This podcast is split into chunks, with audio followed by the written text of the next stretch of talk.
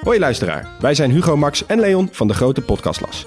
Wij zijn drie geografen en elke week behandelen wij een ander land. We bespreken onder andere de geschiedenis, politiek, natuur, maar ook de sport, de muziek en natuurlijk het eten. De nijlpaarden van Pablo Escobar, de vele bunkers van Albanië en het verschil tussen een sheik en een emir zijn zomaar wat voorbeelden die langskomen. Maar we bespreken ook de geopolitieke invloed van China in Afrika en de impact van het Europese kolonialisme. Luister dus wekelijks naar de audioversie van de Atlas, de Grote Podcastlas.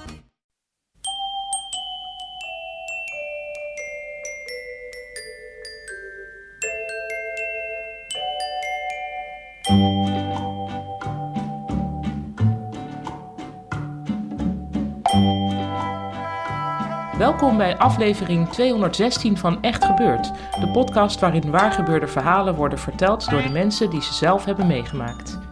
In deze aflevering een verhaal dat Anouk Kemper in maart vorig jaar bij ons vertelde tijdens een verhalenmiddag rondom het thema geweld.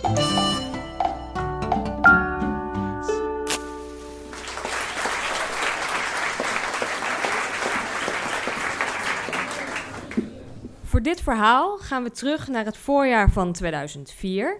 Ik ben op dat moment 17 jaar en ik woon nog bij mijn ouders in Almere. En op deze bewuste avond fiets ik met mijn zusje van 14, zij zit bij mij achterop, fiets ik naar de stad. Dat is hoe we in Almere het centrum noemen, de stad. Uh, want het is koopavond en waarschijnlijk gaan we naar de H&M. Um, nu is het zo dat onderweg naar die stad er een paaltje staat midden op de weg. En dat paaltje staat ook nog op een stoep.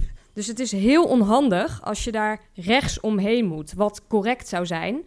Maar niemand doet dat, want het is onhandig en het houdt de bol op. Dus iedereen gaat links, neemt de korte bocht. Nou, dat deed ik ook. En op het moment dat ik zo de hoek om ga, komt er een motoragent op mij afrijden. En hij zegt: Je fietst aan de verkeerde kant. En ik roep achterom: Nu niet meer. En denk: Nou, daar ben ik vanaf. Mijn zusje en ik kletsen verder. En uh, ik denk nog geen tien seconden later word ik ingehaald door de motoragent. Hij snijdt me af en hij duwt me zo met zijn elleboog van mijn fiets. En ik sta meteen met beide benen op de grond. Mijn zusje valt bijna van de bagagedrager. Ik kijk omhoog. Het is een heel lange motoragent. Ik denk dat hij wel 1,90 is. Ik kijk omhoog en ik zeg tegen hem: Wat de fuck denk jij dat je aan het doen bent? ja.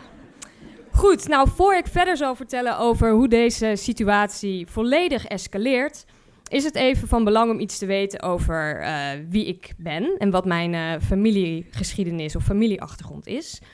Um, mijn naam is dus Anouk Kemper, mijn vader is een camper. Kemper is een hele grote Haagse familie.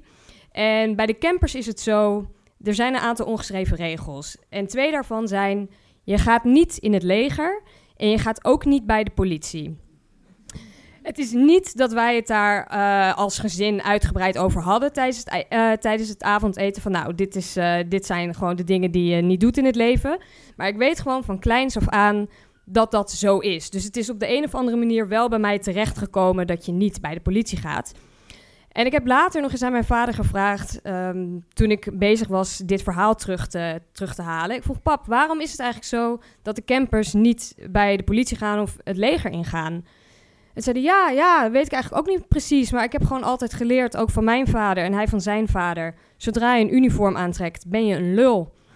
Dus, ja, dat is uh, dan mijn opvoeding geweest. En dan de familie van mijn moeder, daar kan ik iets korter over zijn. Uh, de familie van mijn moeder, um, zij weet het gewoon altijd beter.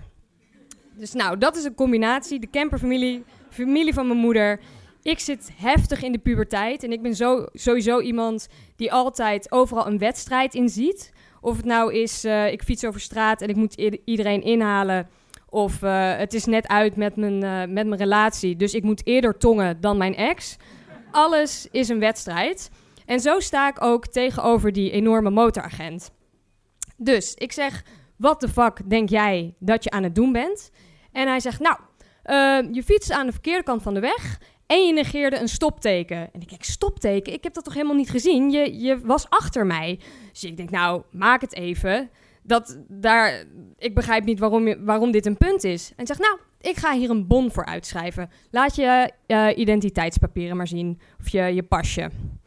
Ik denk, ja, waar slaat dit op? Waar slaat dit op? Dus ik ontplof en ik denk, waar, waar gaat dit over? Ik wil weer op de fiets stappen, omdat ik denk, dit gaat mij echt niet gebeuren. Wat een onrecht. Jij beukt me van mijn fiets en dan ga je mij nu een boete geven. Dus ik wil weer opstappen. Mijn zusje was ik vergeten, die stond een beetje zo bibberend aan de zijlijn. Ik wil opstappen. Op dat moment grist hij mij bij mijn jasje. Mijn jasje scheurt. Ik val bijna van de fiets. Ik duw hem.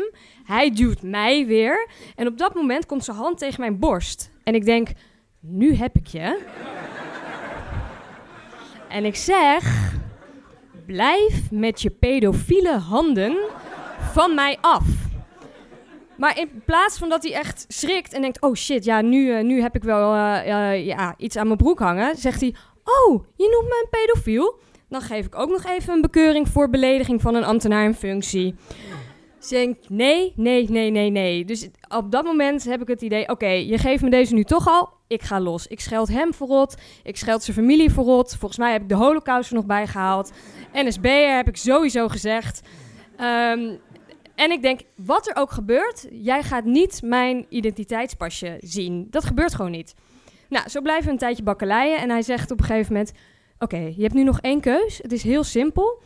Of je laat me je ID-kaart zien, of ik ga een wagen bellen. En ik denk, bel maar een wagen, je belt maar een wagen. Prima, laat die wagen maar komen.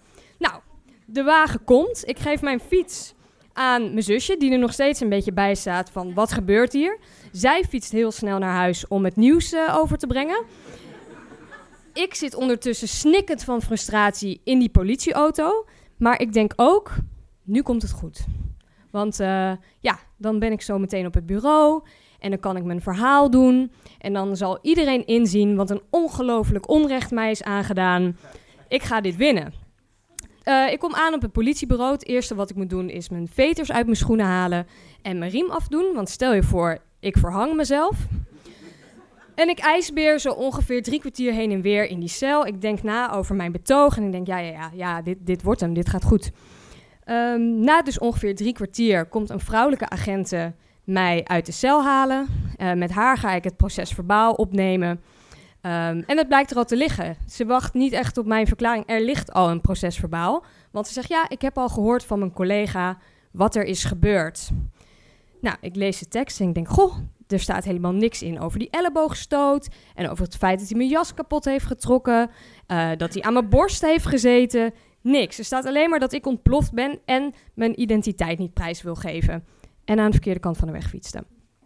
Dus ik zeg, goh, dit is niet uh, hoe ik het me herinner, want dit en dit en dit is er allemaal gebeurd.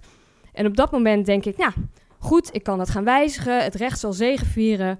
Maar deze vrouwelijke agenten zegt alleen maar, ja, nou, er waren omstanders en die zeggen dat jij hem mishandeld hebt. Dus ik vind dit nog een vrij milde versie van uh, wat er überhaupt is gebeurd. En ik merk, ik krijg hier geen spel tussen, ik kan geen woord veranderen. En op dat moment besef ik, ik ga dit niet winnen. Dus ik, uh, ja, tegensputterend uh, uh, onderteken ik het proces verbaal. En na 2,5 uur mag ik het bureau verlaten. En daar zit mijn vader op me te wachten. En ik denk, oh nee, nu ga ik het krijgen. Nu ga ik het krijgen. Maar ik kijk mijn vader aan. Hij kijkt op. Hij glimlacht. En de trots druipt van zijn gezicht.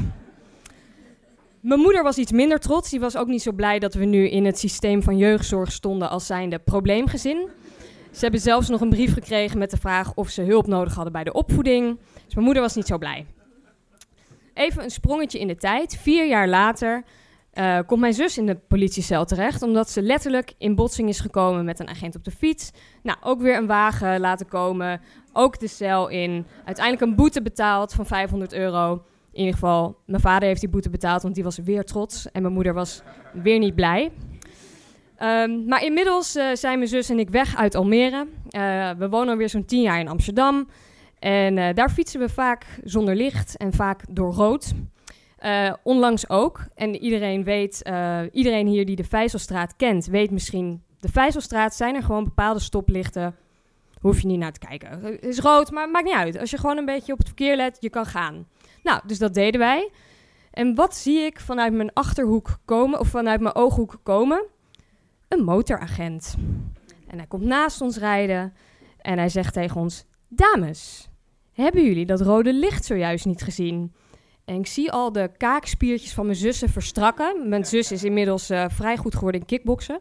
Ik zie die kaken verstrakken. Mijn ademhaling wordt zwaarder. En op het moment dat ik wil zeggen: What the fuck, waar bemoei je mee? Zegt mijn zus: Oh ja, sorry meneer de agent. Ja, we hebben het wel gezien, maar ja, we dachten het kan wel. Er kwam geen auto aan. Dus ja, echt sorry, we, we zullen het niet meer doen. En de motoragent zegt: Oké, dames, voor deze keer geef ik jullie een waarschuwing. En hij rijdt weg.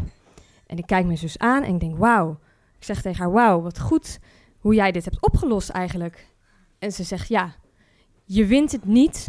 En mijn nieuwe tactiek is daarom smile and wave. Just smile and wave. Je hoorde een verhaal van Anouk Kemper. Anouk is redacteur en schrijver. Twee weken geleden verscheen bij uitgeverij Paul Brandt haar tweede roman. Die heet Aankutten, het boek. Over de 31-jarige Alex Kroon, die zit opgezadeld met haar ex-vriend, de open relatie van haar ouders en ander ongemak. De verhalenmiddagen van Echt Gebeurd worden elke derde zondag van de maand opgenomen in Toemler, de comedyclub onder het Hilton Hotel in Amsterdam. De volgende editie is op 13 oktober en het thema van de verhalen is dan littekens.